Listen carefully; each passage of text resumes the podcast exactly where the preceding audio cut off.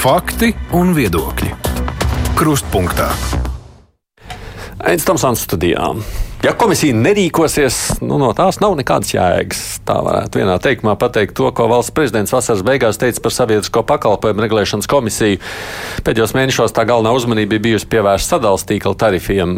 Nu, Galu galā komisijas lokā jau ir arī citu tarifu izvērtēšana, apstiprināšana. Ko tad komisija var? Ko nevar, kāda tad ir nu, teiksim, tā jēga no tās darba? Komisijas padomus priekšādātāja Alda Ozola šodien krustpunktā studijā, lai atbildētu žurnālistu un klausītāju jautājumiem. Labdien! Labdien! Šeit arī kolēģis Agnija Lazdiņa no Latvijas raidījuma ziņdienas. Sveicināti! Labdien! Un Inês Halman no portāla Latvijas vēstneses. Sveika! Labdien!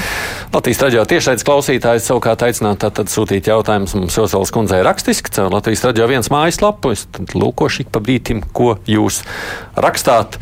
Nu, iesākšu ar to valsts prezidenta teiktā interpretācija varētu sacīt tā, ka tā jūsu komisija ir mazspējīga ietekmēt tarifus. Ir tas vai nav tāds objektīvs vērtējums? Sabiedrisko pakalpojumu regulēšanas komisija vai regulators um, īsā vārdā um, mēs darbojamies tādu veicam funkcijas, ko mums ir uzticējis likums. Proti, likums par sabiedrisko pakalpojumu regulēšanas regulēšanu un arī nozars regulējumu ietvaros.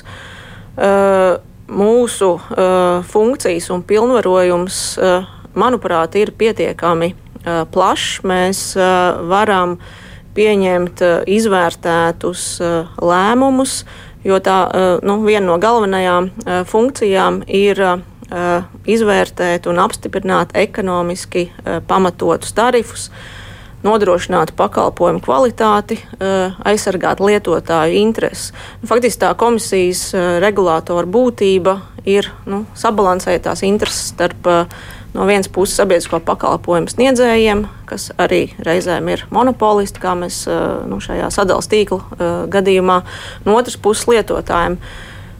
Lietotāja intereses ir saņemt pakalpojumu, kas atbilst noteiktām kvalitātes prasībām par atbilstošu cenu. Savukārt, protams, komersantu vēlme un, un vajadzība ir nodrošināt, lai pakalpojumu sniegšanas izmaksas tiktu sektas ar tarifu ienākumiem. Nu, faktiski uz tarifu mūsu no nu jā. uzdevums ir attiecināt uz tarifu tikai tās izmaksas, kas ir tiešām pamatotas. Mēs slēdzam ārā visas tās izmaksas, kas nav pamatotas. Uzskatāt sevi par spējīgiem.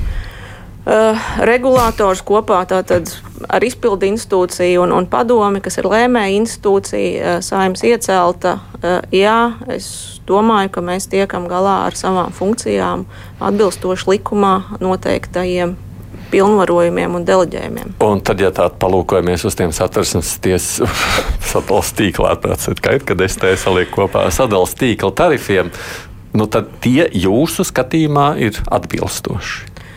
Attiecībā uz sadalījuma tīklu, un te gribu arī piesaukt klāt augstsprieguma tīkla eh, tarifu izmaiņas. Eh, eh, lēmumu par tiem pieņēmām vienā dienā, šī gada 22. maijā.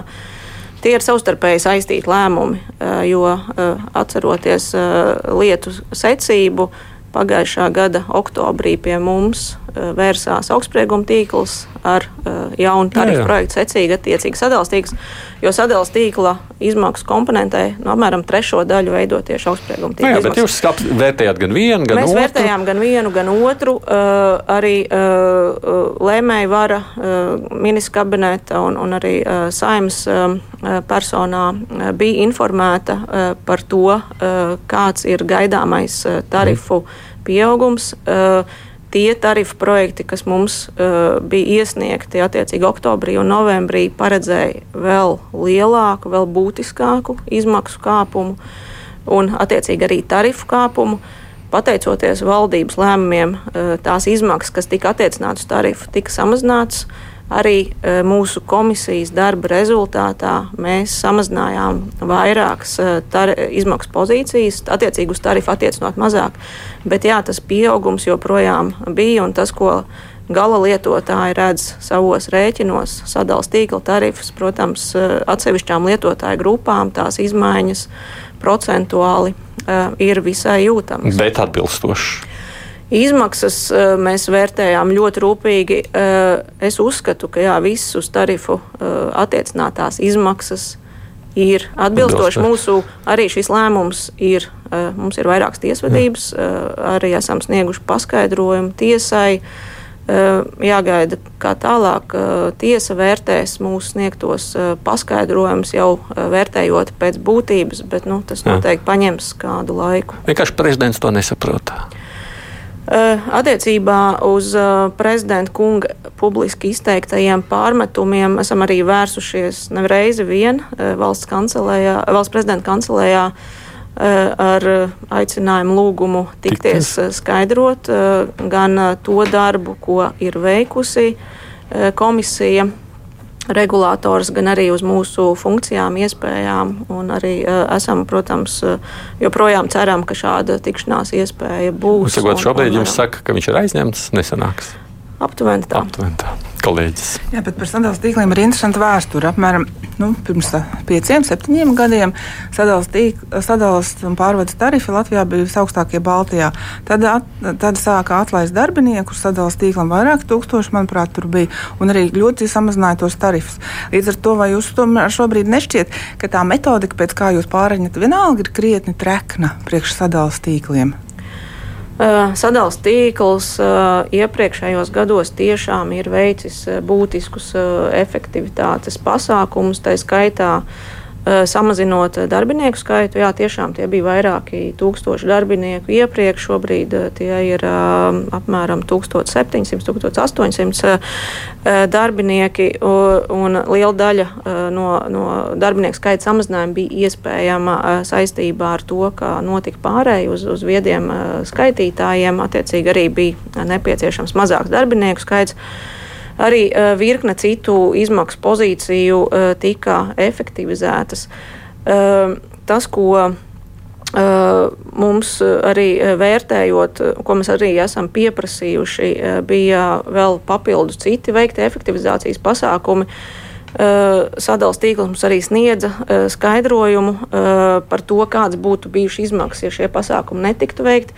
Vienlaikus ir jāsaprot, ka uh, tīkla saimniecībā ir ļoti plašs šis elektrolīniju uh, garums, uh, dažādi citi infrastruktūra, kas ir jāpārvalda. Mums arī nesen augustā bija plaši vētras izraisītie postiem. Saprotams, ka mēs sagaidām un lietotājiem ir tiesības saņemt atpakaļ pakalpojumu un, un šo te, labā kvalitātē, restīvi, ja ir kaut kādi pārtraukumi, lai tie būtu pēc iespējas īslaicīgāki, nebūtu šo neplānoto pārtraukumu, un arī dažādos šos kvalitātes rādītājus tīkls uzrāda labus, e, labus rezultātus, un arī, ja mēs skatāmies uz e, vienu kilometra līniju sadalījuma tīklu, tad tie kopējās izmaksas, ja mēs skatāmies arī Baltijas valstīs, ir zemākas. Te ir arī, jūs pieminējāt Baltijas valstis, te būtiski ir uzsvērt arī atšķirības, kādas ir sadalījuma tīkla darbības gadījumā Lietuvā. Šis tīkls ir, ir daudz blīvāks, tāpēc, ka tā apdzīvojuma struktūra ir atšķirīga. Latvijā tomēr vairāk viensēts, ir, ir mazāk šis blīvums, kas arī, nu, arī līdz lauku viensētām ir jānodrošina šīs līnijas, viņas ir jāuztur un, ja ir pārtraukumi, tad jāatjauno. Savukārt uh, Igaunijā uh, atkal patēriņš elektroenerģijai tieši maisaimniecību arī segmentā ir uh, nu, faktiski divreiz augstāks nekā vidēji Latvijā. Tas nozīmē, ka uz katru patērēto mm, kilovatstundu nu, tā sadalījuma tīkla izmaksu komponents ir attiecīgi arī, arī zemāks. Kā, nu, tur ir dažādas atšķirības gan geogrāfisku un apdzīvotības struktūras dēļ, gan, gan citi iemesli. Un, nu, tā, tās izmaksas, kas tiek attiecināts uz tarifu, pēc metodikas, eh, domāju, visās Baltijas valstīs nu, faktiski ir, ir vienāds jautājums, jā, kā, kas ir tie citi faktori, kas to ietekmē. Nu, labi, bet jums līdz decembrim ir jāpārskata. Nu, līdz decembrim vairs nav tālu, tie ir trīs mēneši. Ko jūs jau esat sākuši darīt, secinājuši? Uh, tas, ko mēs uh, darīsim šī gada beigās, un par to arī konsultēsimies vēl ar, ar, gan ar Eh, visām interesētām pusēm un arī eh, informēsim eh, saimas atbildīgās komisijas, ir attiecībā uz nu, tā saucamām regulatīvā rēķina izmaksa, izmaiņām. Nu, proti, mēs pastīsimies, kāds bija faktiskais šis elektroenerģijas patērētais, sadalītais apjoms caur, caur sistēmu, kādas bija citas, varbūt mainīgās izmaksas, kas nav atkarīgas bijušas no sadales tīkla. Eh, darbības arī šī zudumu eh, cena, eh, zu, elektroenerģijas zuduma cena un, un daži citi tādi būtiskie faktori, kas ir nosvārstījušies, jo tas arī var ietekmēt tarifu, bet tās izmaiņas, nu, nu, mūsuprāt, šobrīd pirmšķietami tās ir dažu procentu apmērā. Tad par dažiem procentiem varētu būt zemāks tarifs. Šobrīd to ir pāragri teikt. Mēs noteikti vispirms iesim ar šiem arī metodikas grozījumiem un, un nokonsultēsim, cik plaši mēs skatāmies šajā brīdī. Bet tad nākamais solis būtu pieprasīt informāciju jau sadalījuma tīklam par to, kāda ir šī faktiskā situācija, jo tad nu, šo pusgadu atskaites punktu. Vai pastāv iespējama situācija, ka tie tarifi nesamazinās? Šobrīd uh, ir pārāk izteikt uh, šādu uh, vērtējumu. Jāvērtē, kāds, kāds bija elektroenerģijas patēriņš un, un daži citi tādi būtiskie varbūt parametri, bet uh, kā, pirms papildus informācijas saņemšanas no sadalījuma tīkla šobrīd atturēšos no komentāriem. Bet tas, ko kolēģi man liekas, prasīja nevis vērtējums, bet vai pastāv iespēja. Nu, proti, jūs secināt, ka viss ir atbilstoši un nekas nemainām. Nu, situācijā, ja mēs secinām, ka elektroenerģijas patēriņš Latvijā ir turpinājis samazināties, piemēram, jo šāda tendence ir, ir, tiek no, ir novērojama. Jā, tāpēc, ka liek savus paneļus un paši ražo arī, arī viens no faktoriem. Tur arī, protams, dažādi citi e, sociāli, ekonomiski e, faktori. E, tas nozīmē, ka ir sadalīts faktiski mazāks elektroenerģijas apjoms nekā tarifa projektā, tarifu lēmumā ir bijis paredzēts. Kas varētu nozīmēt, ka uz katru šo sadalīto kilovatstundu tās izmaksas var būt izrādījušās lielākas. Kā, nu, ir, tur ir virkni citu faktoru, kas var būt mainījuši situāciju, tad to mēs vērtēsim. Tas, kas šobrīd lietotājiem, domāju, ir, ir svarīgi, ir, ir valdības un, un saimas pieņemtie lēmumi par šo atbalstu zemespriegumā. Tātad nu, faktiski visām maisaimniecībām šo fiksēto sadalījuma tīkla komponenti 60% apmērā e, no šī gada septembra līdz decembrim ieskaitot, tātad kompensēs. Nekas papildus nebūs pašiem jādara, piemēros uzreiz rēķinos. Es saprotu, ka nākamgad arī.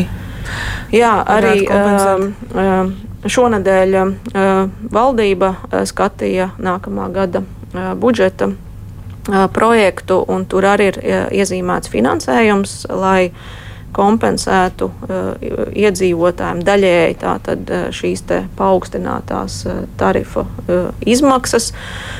Pašlaik, es saprotu, nav pie, noteikti vēl kritēriji, kas tiks piemērot un kādā procentuālā apmērā tas varētu būt, bet ir kopējā summa, kas tam ir paredzēta, ir 50 miljoni eiro visam nākamajam gadam.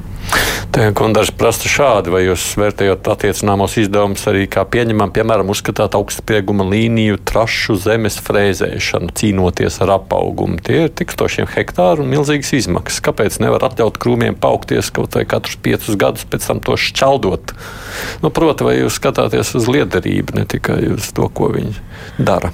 Jā, pilnīgi noteikti. Mēs skatāmies uz, uz uh, liederību attiec, gan uz augstspriegumu, gan sadals uh, tīkla uh, trašu uzturēšanu un jebkurām citām izmaksām. Tieši tāpēc arī ir bijušas izmaksas, kas, ko mēs uz tarifu neatiecinām un esam izslēguši ārā no izmaksu bāzes attiecībā uz trašu tīrīšanu esam arī bijuši izbraukuma sēdēs, apsakot uz vietas situāciju un arī mēģinot izprast šo darba specifiku.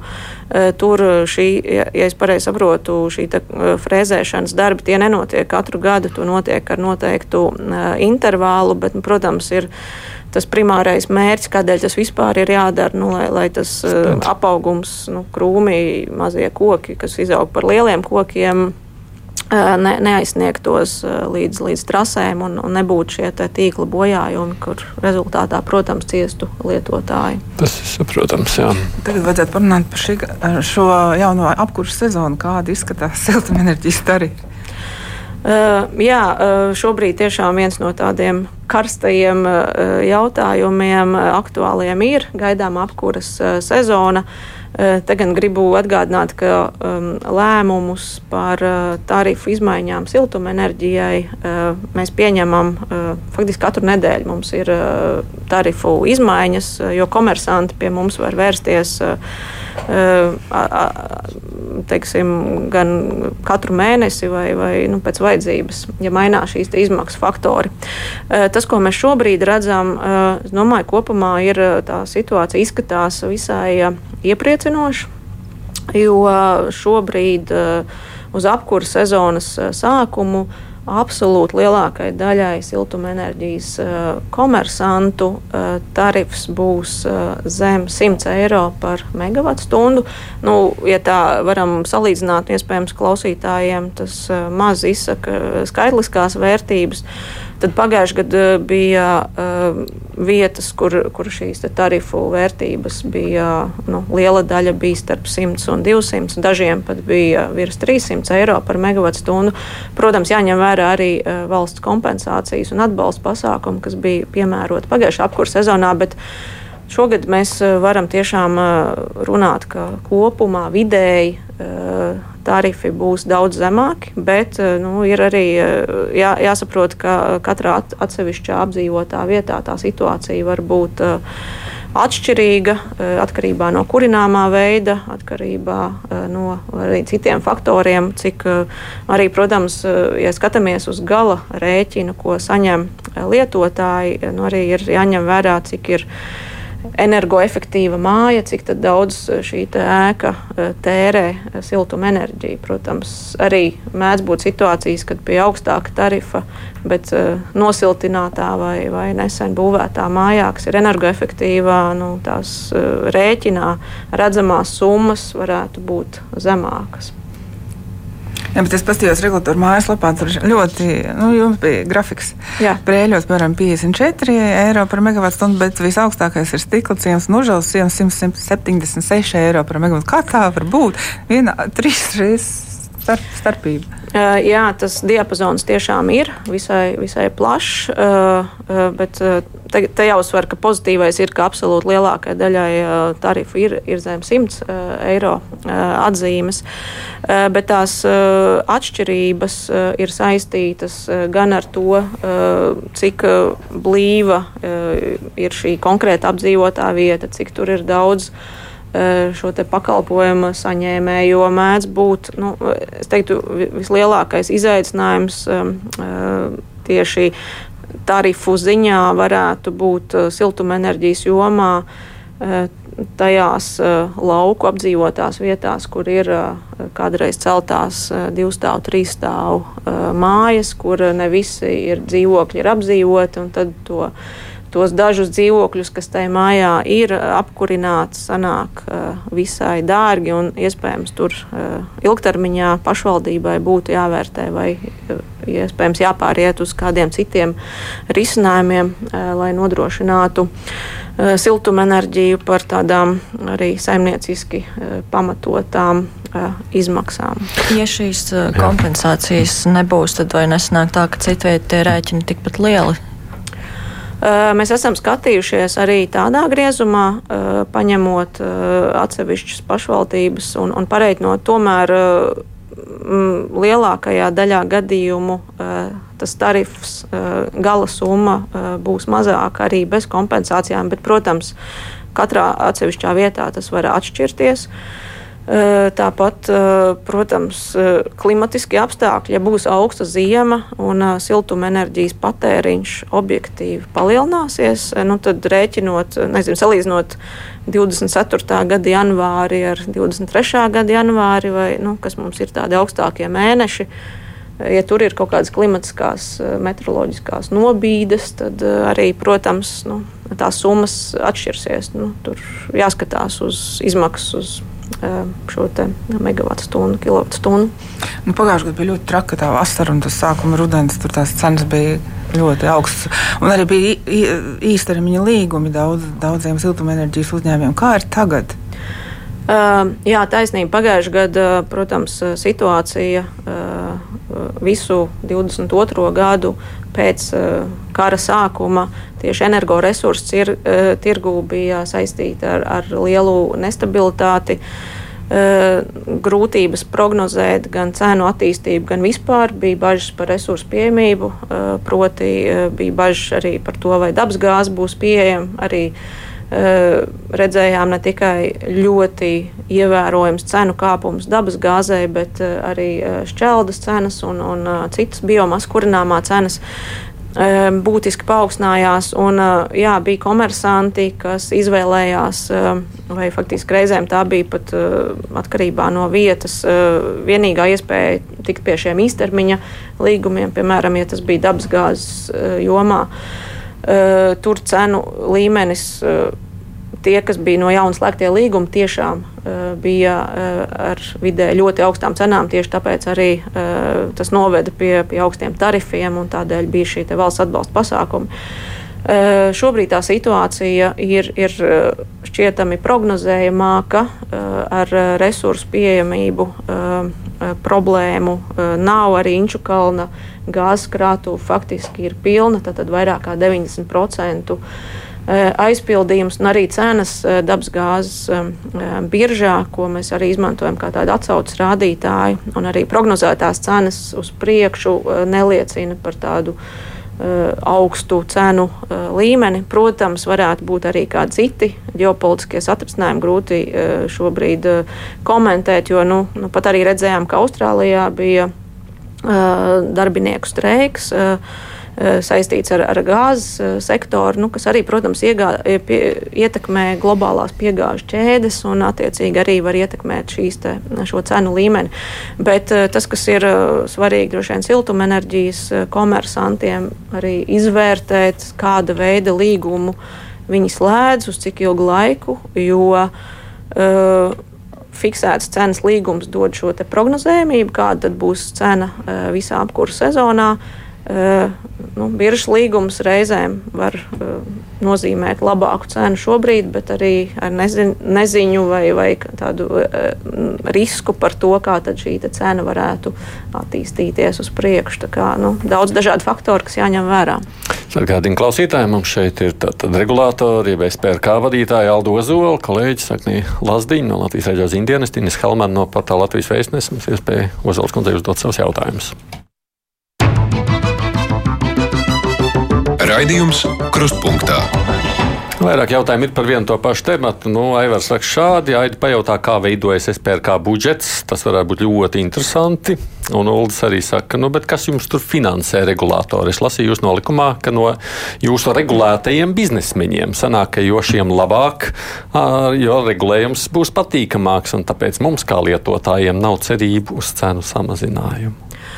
Uh, regulātora budžets veidojas kā, kā likumā noteikts uh, no uh, regulēto komersantu apgrozījuma 0,2% apmērā no neto apgrozījuma ar divu gadu nobīdi. Proti, šī gada budžets, tātad 2023. gada budžets mums veidojas attiecīgi pēc 2021.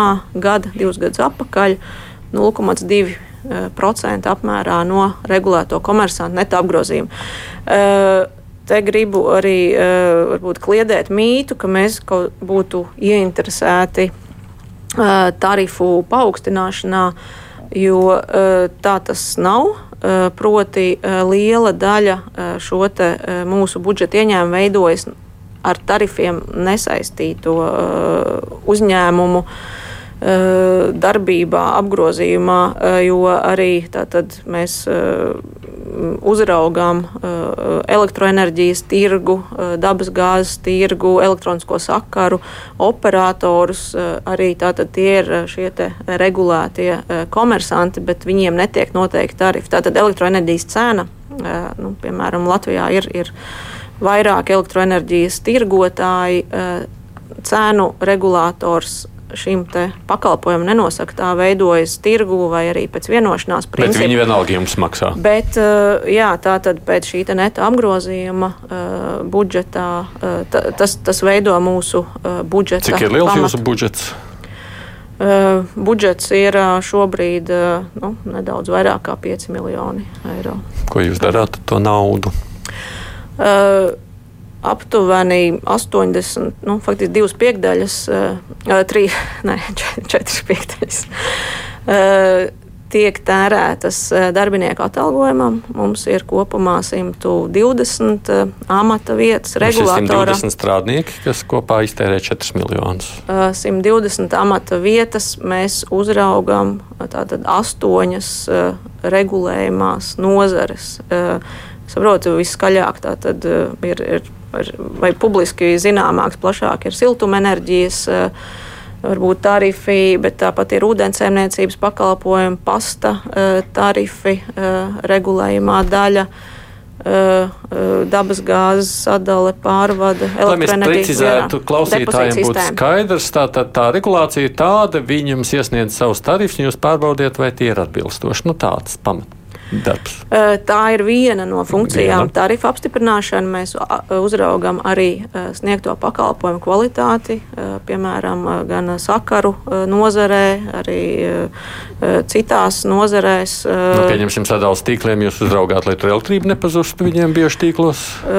Arī vai viņi ievēro tātad, nu, teiksim, noteiktā sprieguma, tiek lietotājs saņem noteikts sprieguma šo te Kā tā, izra, nu, kā tā uzraudzība izpaužas? Uh, nu, tā, ka mums ir, mums ir darbinieki, kas, ja mēs saņemam. Kas aizbrauc uz vietas un skatās, jā, tieši tāds arī ir. Viņi, uh, nē, viņi aizbrauc un mēra šo spriegumu, ievieto. Uh, Eh, mēraparātu, eh, sadalījuma tīkla šajā te, eh, sadalījuma skapī, un tad tas tur stāv kādas dienas, un, un tad arī var vērtēt, kāds ir šis faktiskais spriegums un vai sūdzības no lietotājiem ir pamatots vai nav. Ja, ja ir pamatots, tad arī viņiem ir, ir tiesības uz šo samazināto maksu. Līdzīgi arī ir sakaru, sakaru jomā un, un tam mhm. līdzīgi. Nu, tad te vēl pāris jautājumu no tā visa. Kāda tad ir vidējā darbinieka jūsu alga? Uh, tā, tas ir droši vien līdzīgi pēc analoģijas ar to vidējo uh, temperatūru uh, slimnīcā, uh, jo tas darbinieku tās kompetenču un prasību līmenis uh, ir atšķirīgs, bet tas, ko mēs kā uh, regulators arī un kā darba devējs uh, darījām, uh, Šogad arī veicām salīdzinājumu un pētījumu pret to, kā izskatās mūsu atalgojums eh, ar tirgu eh, un salīdzinošo institūciju eh, vidējiem rādītājiem. Jo nu, mēs, kā darba devējs, darbojamies nu, līdzīgā darbinieku tirgu, kā ministrijas un citas valsts pārvaldes iestādes, un arī elektroenerģijas vai cita komersanti, kas ir regulējumie. Eh, un tur tā situācija, tā aina neizskatās eh, eh, laba. Mūsu atalgojums faktiski šobrīd nav konkurētspējīgs. Mēs arī esam zaudējuši vairākus labus kolēģus tieši atalgojumu dēļ. Cik tas ir tas šobrīd... nekonkurētspējīgais? Es šobrīd uh, tur ir jārunā par katru konkrēto darbinieku, bet ja mēs skatāmies uz ministrijām, tad šobrīd jau mūsu uh, kā, kā vadības bažas ir, ka tiešām ministrijas nu, valsts iestādēs. Mēs zinām, cik cilvēki saņem, bet jums tā kā tās algas nav pie, publisks atklājums. Uh, tu, tur būtu jāiet cauri tam algu diapazonam, un, un, jo atalgojums katram konkrētam speciālistam arī var variēt atkarībā no, no pieredzes, no, no kaut kādiem papildus pienākumiem. Uh, Tas, ko atšķirībā no ministrijām, tas, ko mēs minimāli praktizējam, ir, ir piemaksas. Mums ir ļoti, ļoti minimāla apmērā, tātad tikai par kādiem īpašiem jā, papildus jā, pienākumiem. Bet, summu nevarat nosaukt. Jā. Labi, kolēģis. Sabiedriskajā telpā pirms kāda brīdiņa di diskutēja, ka Igaunijā esot regulators apvienot ar konkurences padomu, vai arī Latvijā tā vajadzētu. Uh, Igaunijā šāda sistēma ir jau, uh, jau izveidojusies uh, krietni sen, un arī esam ar, ar Igaunijas kolēģiem nu, Baltijā kopumā. Es domāju, mums tā sadarbība ir visai laba un regulāri arī tiekamies, un esam arī šo jautājumu pārunājuši, nu, kādas tad faktiski ir tās. Uh, priekšrocības vai trūkumi, ja iestādes strādā zem, zem viena vadītāja. Jo faktiski vadītājs viņiem nav padomu, viņiem ir viena ministra iecelta vadītāja. Un, nu, tā mūsu izpratne ir, ka faktiski viņiem arī nu, tās darbības, nu, viņi darbojas kā divi tādi spārni, un tās darbības īsti nepārklājas. Proti, tie, kas darbojas ar konkurences jautājumiem, piemēram, juristi, viņi arī neiesaistās, kas ir regulātora kompetences jautājumi. Tā kā, nu, tur tā pievienotā vērtība īsti, īsti nu, mēs nesaskatām, ka, ka šis būtu tas eh, solis vai virziens, kurā skatīties. Jo nu, teksim, arī viņiem budžets veidojas atšķirīgi konkurences daļai uh, Igaunijā uh, budžets veidojas uh, vai ir no valsts budžeta, savukārt regulātoru daļā arī tas veidojas līdzīgi tāpat kā Latvijā un, un Lietuvā no nodevas šiem te maksājumiem, kas ir diezgan izplatīts modelis arī citās Eiropas Savienības valstīs. Jā, tas ir priekšnieks un grāmatvedība viena.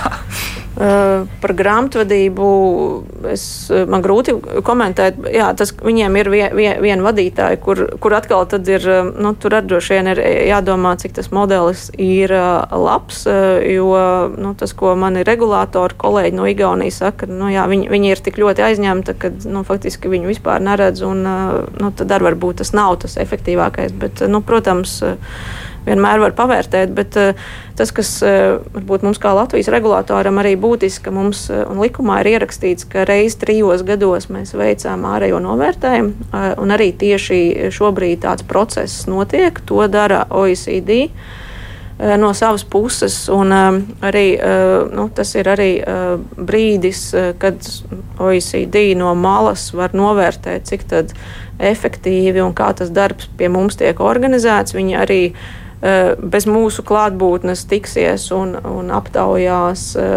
gan mūsu sadarbības partnerus no dažādām ministrijām, eh, gan komersantu pārstāvis, gan arī tikšanās saimā ir, ir paredzēta. Tā kā, nu, mūsuprāt, tas arī nu, būs neatkarīgs ziņojums, ar ko tad arī ar interesi gaidīsim un iepazīsimies. Kad tas ziņojums būs?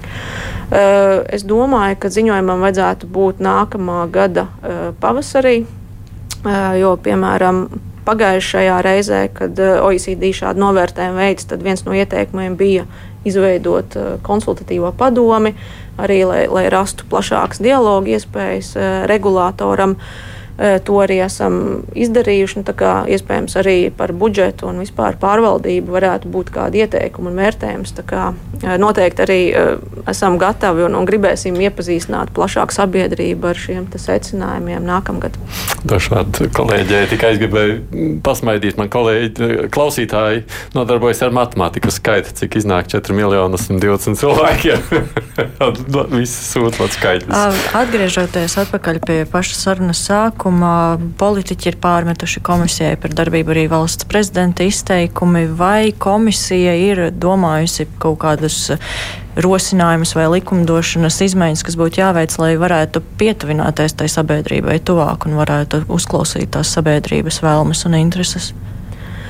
Uh, mēs uh, esam jā, dzirdējuši publiskajā telpā uh, dažādus komentārus un izteikumus. Uh, un, uh, esam, es domāju, tur ir, nu, viens ir diskusija mums arī ar uh, saimu uh, kā likumdevēju par to, kādas ir šobrīd likumā noteiktās uh, regulātora uh, funkcijas un vai tās būtu paplašināmas vai atkal gluži pretēji. Tas, kas ir publiski izskanējis, uh, ir par to, ka vajadzētu kaut kā īpaši ierobežot un, un dot kādus specifiskus uzdevumus.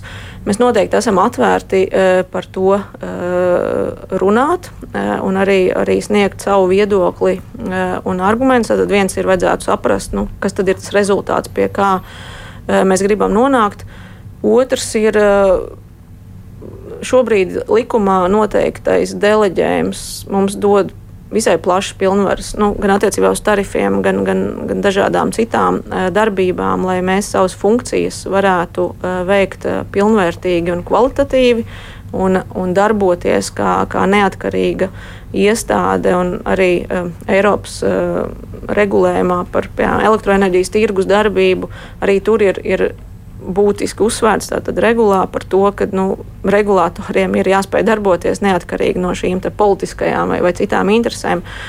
Un, uh, mēs saprotam, ka ir nepieciešams, un to arī darīsim plašāk skaidrot, ko regulators uh, dara. Uh, nu, vienlaikus arī uh, es izprotu, ka situācijā, ja tiek paaugstināti kādi nu, tarifi, tad nu, tas lietotājiem tāpat var nebūt patīkami, lai gan tas ir ekonomiski pamatot un tur ir objektīvi iemesli, kādēļ nu, kopējās izmaksas ir, ir mainījušās. Tas, ko mēs arī saklausām pēc publiskās diskusijas, gan no arī diskusijām saimā un, un arī uh, tādā politiskajā vidē, kad uh, vajadzētu tarifus pārskatīt biežāk, uh, lai izvairītos no tādām straujām izmaiņām.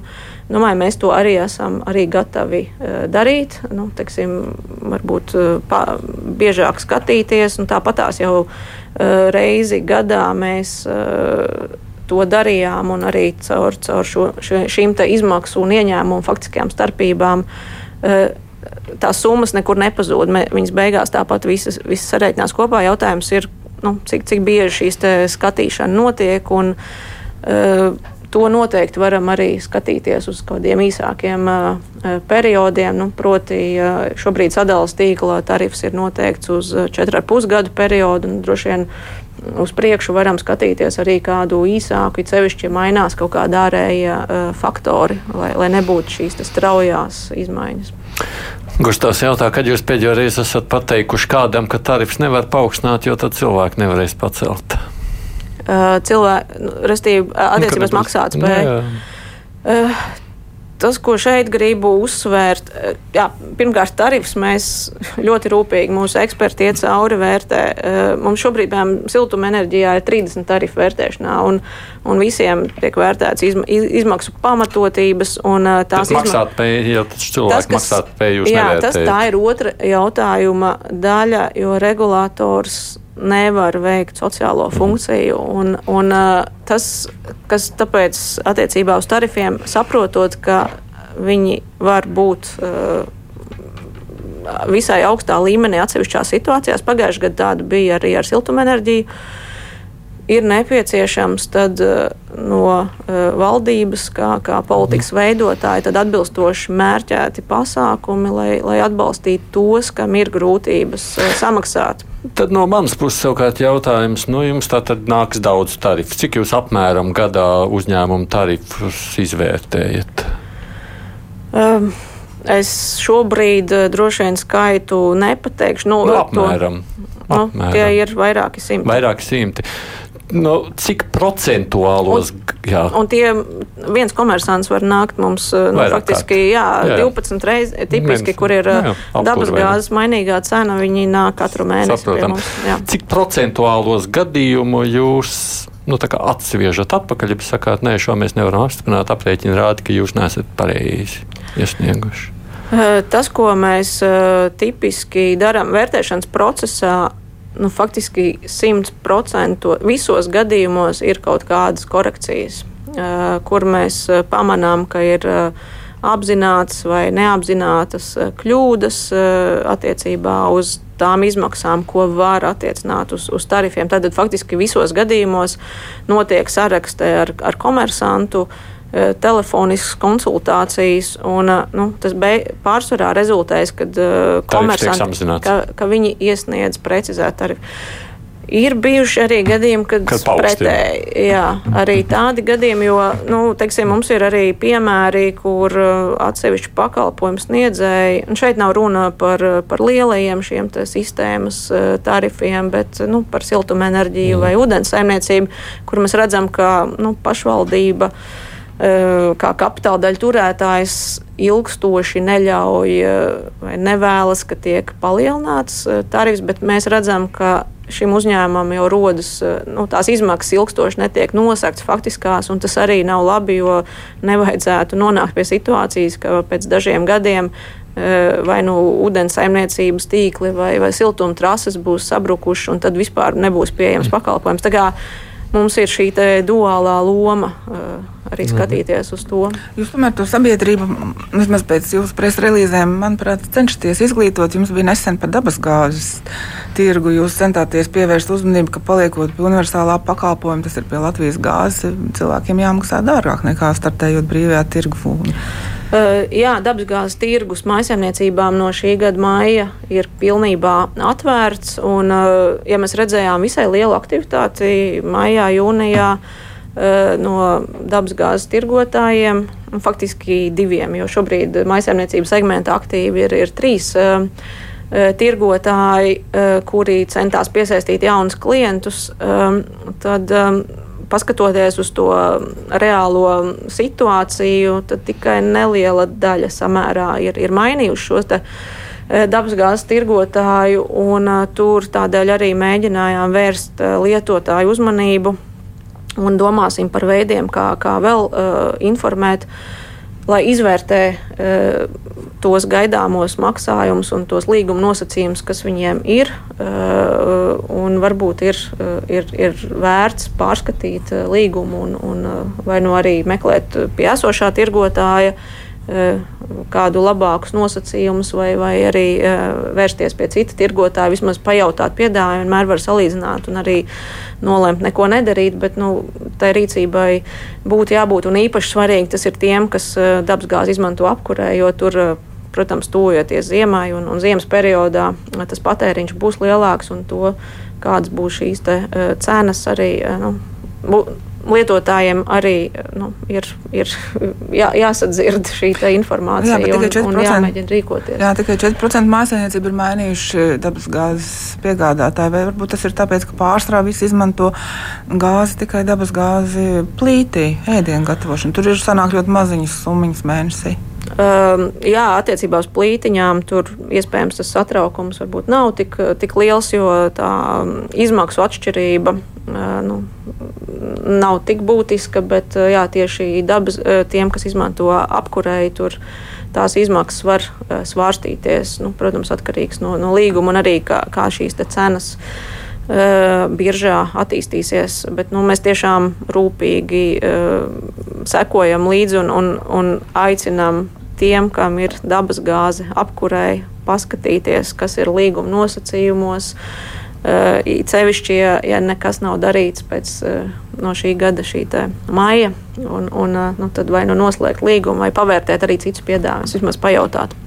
Agnī. Nu, tā kā tā apkuras sezona jau tuvojas, kas ir vēl kaut kādas tādas primārās lietas, ko tas cilvēks var darīt, tādas vieglākās lietas?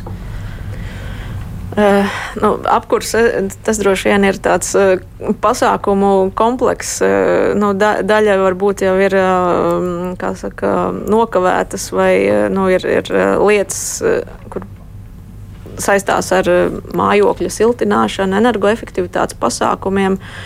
Nu, ja tas nav izdarīts vasarā, tad uh, droši vien arī, arī uh, šobrīd to grūti ir uzspēt tuvākā mēneša laikā, bet nu, eh, to arī droši vien ir, ir, ir labi vērtēt. Uh, bet uh, nu, pamatā tas ir tieši, jā, ja, ja tas ir dabas gāzes, bet nu, tikpat labi varbūt tas ir cits kurināmā veids, ja tas ir individuālās mājas, nu, daudz dzīvokļu mājās.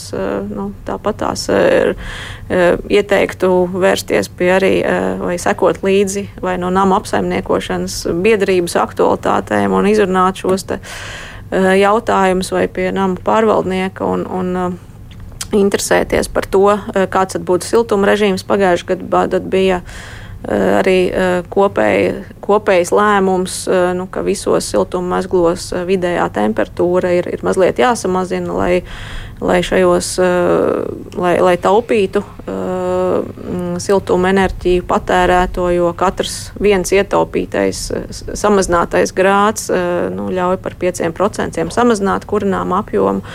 Tā kā ir, ir virkne dažādu tādu arī, arī pasākumu, kas prasa gan, gan varbūt individuālu piepūli, gan arī tādus kolektīvus pūliņus kā, kā uzlabot gan, gan ēkas stāvokli, samazinot siltuma zudumus.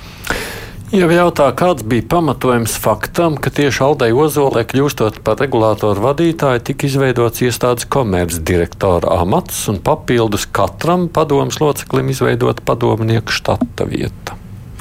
Um, regulātorā uh, nav komercdirektors, mums ir izpildirektors, kas ir bijis, uh, es domāju, no laika gala, bet, protams, visu vēsturi nezinu, bet nu, vismaz pēdējos desmit gadus uh, uh tāds ir bijis. Nu, regulators jau um, darbojas no 2001. gada, tika, tika izveidots. Un no 2011. gada tā ir eh, pilnvērtīga neatkarīga iestāde. Attiecībā uz padomniekiem, eh, ja es pareizi saprotu no kolēģiem, un arī tur būtu droši vien interesanti pastīties eh, vēsturē, tad savulaik ir, ir bijuši, bijuši daudz vairāk padomnieki. Tātad tajā brīdī, kad es atnācu uz regulātoru. Tātad pirms nedaudz vairāk kā diviem gadiem tur jau bija amata vietas eh, ka, tādas paredzētas, ka katram padomus loceklim ir, uh, ir savs padomnieks. Un, uh, kāpēc tas vispār ir, ir nepieciešams? Tāpēc, ka tas jautājums lokus, ar ko regulātori saskaras un par kuriem ir jāpieņem lēmumi, ir ļoti, ļoti plašs. Ar, ar, reizēm ar ļoti lielu specifiku, eh, kuros ir tiešām nepieciešams eh, pēc iespējas plašāks eh, arī šis kompetences, ekspertīzes līmenis. Un, un tādēļ jāsaka, ka es arī ļoti novērtēju to, ka nu, mums kā padomē mēs esam pieci kopā. Ir visai dažāds gan gan izglītības, gan dzīves pieredzes gājums, kas ļauj kopā nonākt, diskutējot pie, pie labākiem risinājumiem. Nu, šodien, piemēram, mums arī padomu sēde bija ar 12 izskatāmiem jautājumiem un uh, par piecām, sešām dažādām tēmām ar, ar ļoti lielu specifiku, gan elektroenerģijas tirgos, nu, un, un daž, dažādām citām niansēm, gan frekvenču izsolīšanu un, vai, vai apturēšanu. Un, tarifi ir tikai viens no jautājumiem, ar, ar ko mēs nodarbojamies. Manuprāt, ļoti labi piemēram, brīvais tirgus strādā mobilo operatoru jomā. Nu, tur ir reāla konkurence ar trīs operatoriem. Man, kā, jūs, kā jūs vērtējat elektroenerģijas tirgu un gāzes tirgu šajā konkurences jomā? Kas ir varbūt vājāks, kas ir stiprāks un kāpēc? Um.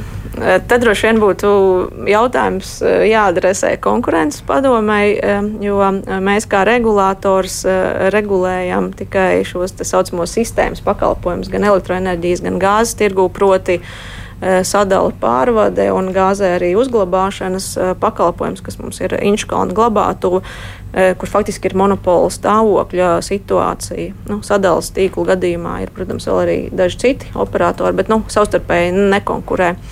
Uh, attiecībā uz, uz elektroenerģijas uh, tirgu, nu, man un arī līdzīgi uz dabas gāzes uh, tirgotājiem, es domāju, ka tur uzņēmumi darbojas konkurences apstākļos, atbilstoši arī normatīviem regulējumiem. Mēs redzam, ka Latvijā darbojas gan kaimiņu valstu elektroenerģijas tirgotāji, ienāk jauni, tā tā dinamika ir, ir visai liela un arī nu, tas, domāju, piedāvājums, ko lietotāji eh, vai klienti var saņemt, ir eh, gana plašs. Eh, protams, nu, lielākiem klientiem, komercsabiedrībām ir, ir vēl lielāks šis piedāvājumu klāsts, bet nu, manā vērtējumā tas, tas tirgus darbojas konkurences apstākļos, un tāda kopēja tāda bāža varbūt nav. Nāras jautājumu varbūt papriekš man jāpāradresē būtu ar šādu, vai jūs arī, pieņemsim, uzraugāt nama apsaimniekotājus? Nē. Nē. Nevajag, jūs prāt, arī? Tas, domāju, katrai iestādē ir jādarbojas sa, savas kompetences mm. ietvaros, un, un šīs varbūt nav tāds, kas, kas attiektos uz, uz regulātora darbības jomu. Bet varbūt atgriežoties pie elektroenerģijas, piemēram, tirgus, tas, ko regulators dara, ir uzrauga vai tādā vairuma tirgu nenotiek kaut kādas nelegālas darbības vai, nu, izsakoties vienkārši manipulācijas ar tirgu. Tur gan mēs rūpīgi sekojam līdzi arī sadarbībā ar Eiropas šo te, uh, regulātoru aģentūru kopējo, un arī, ja tiek saņemts kādas sūdzības no tirgus dalībniekiem, tas ir gan ko mēs uzraugam, izmeklējam un, un rīkojamies pie situācijas. Jo, protams, elektroenerģijas tirgu ir arī lieli spēlētāji, kas var ietekmēt kopējo cenas līmeni, un, ja ir tādas aizdomas, tad tās mēs rūpīgi izmeklējam. Es to vajadzētu tāpēc, ka, piemēram, elektroenerģijas tirgu ir daudz piedāvājumu mājasēmniecībām, tad dabasgāzes tirgu tikai trīs - Latvijas gāze, elektrumu un LNG. Nu, man liekas, ka diezgan maz dabasgāzes tirgu ir piedāvājumu. Uh, nu, tur varētu būt arī. Uh, kaut kādā mērā loģisks skaidrojums saistīts ar to, ka dabasgāzes tirgus kā tāds un prognozētais patēriņš vidējā termiņā visticamāk samazināsies. Tas gan saistīts ar, ar zaļo kursu, gan arī ar tādu citām, citiem apsvērumiem, kad lietotāji izvēlas pāriet uz vai nu citu apkuras veidu. Nu, Pagājušajā gadā bija izteikti interesi, ņemot vērā dabasgāzes augstās cenas. Arī uh, līdzīgi ar, ar plītiņām, ka šobrīd jau uh, gāzes plītiņām, ka uh, jaunās uh, dzīvokļu mājās tādas vairs netiek izmantotas. Tad ir vai nu indukcijas plīts vai, vai kādi citi risinājumi. Tā kā tas kopējais patēriņš šāda veida vajadzībām. Visticamāk, neaugs, drīzāk samazināsies. Tas ir, ko mēs arī redzam no prognozēm. Uh, Un tas nozīmē, ka nu, tā interese ienākt tirgu, uh, investēt kaut kādus līdzekļus, lai, lai sāktu tirgot, varētu nebūt īpaši liela. Ilmārs sūdzās, ka viņam, piemēram, viņš savam elektrības piegādātājam regulāri žēlojas, ka viņas spriegums ir nevis 220, bet tikai 190. Viņi tikai izlīdz ar atrakstīšanos. Tad, ko tad viņam vajadzētu jums rakstīt? Uh, viņam vajadzētu vērsties pie sadales tīkla un uh, arī uh, ar, ar sūdzību. Nu, ar iesniegumu. Un, ja tā situācija ne, netiek atrisināta tur, tad noteikti arī informēt mūs, kā regulātoru, uh, jo elektroenerģijas tirgotājs jau nenodrošina to, to pamatu infrastruktūru. Mhm. Tas tikai saka, tirgotāji var mainīt ļoti viegli, bet tie vadi jau ir sadalījuma tīkla pārziņā. Cikot, ja sadalījuma tīkls nereaģē, tad jūs ar savu aparātu. Pilnīgi noteikti. Jā. Jā. Savukārt, uh, Henriksona punkts jautājums, cik ilgs tad parasti ilgst jūsu padomas sēdes? Um, atkarīgs no um, izskatāmo jautājumu uh, skaita un sarežģītības. Uh, šodien tā situācija bija tāda, ka mēs sākām sēdi pulkstens deviņos. Līdz 12. izskatījām um, vairākus jautājumus, apstājāmies pie 9. izsludinājām pārtraukumu, un tad turpināsim no 15.30 vēl. Tā kā, nu, parasti tās ir tipiski nu, vidēji divas, trīs stundas. Pārtraukums tāpēc, ka bija jānāk šeit uz radio. Šai gadījumā jā. Sabiedrisko pakalpojumu regulēšanas komisijas padomas priekšsēdētāja Aldo Zolbija kruspunktā studijā. Mums arī mans kolēģis, žurnālists Agnija Lazdiņa no Latvijas raidījuma ziņu dienesta un Ines Helman no portāla Latvijas vēstnesis. Paldies jums, ka atnācāt! Savā laikā arī uz šejieni. Rīt, kā jau parasti piekdienās, nedēļas aktualitātes vērtēs žurnālisti. Nu, kā vienmēr skatāmies, kas ir aktuāls. Droši vien, ka runāsim gan par šīs dienas saimnes lēmumu, gan arī vispār par to, kas ir noticis attiecībā uz nacionālās drošības koncepciju, kur liela uzmanība ir pievērsta sabiedriskajiem medijiem un to, ko viņi dara vai nedara Krievu valodā. Tas jautājums, protams, pievērsts pietiekoši lielu uzmanību arī manā iestādē. Runāsim gan jau arī par spriedumu Aivaram Lembergam, aplācijas instancē, kas, kā zināms, ir samazinājusi tiesas nu, apcietinājumu laiku uz vienu gadu, un tur ir dažas citas nianses. Interesanti arī droši vien vakardienas balsojumi Rīgas domē, kas bija saistībā ar azartspēļu punktu slēgšanu Rīgā un to cik vienot, vai varbūt arī nebija vienot šoreiz valdošā koalīcija Rīgā, gan jau būs arī rīta citi temati, par ko runāt. Šodienas raidījums gan izskan, atgādina, ka mēs esam skatām arī televīzijā, tad, tad pēc pulkstenā, nu stundu vēl pēc šī te uh, Latvijas radio tiešraides beigām Latvijas televīzijā, uh, pirmajā kanālā, un, protams, arī mūs var skatīties uh, gan mājaslapā, gan arī raidieraksts, gan atkārtojums 9 vakarā pēc ziņām. Producenti jau zvejas, studijā bija arī es, Aidis Tomsons.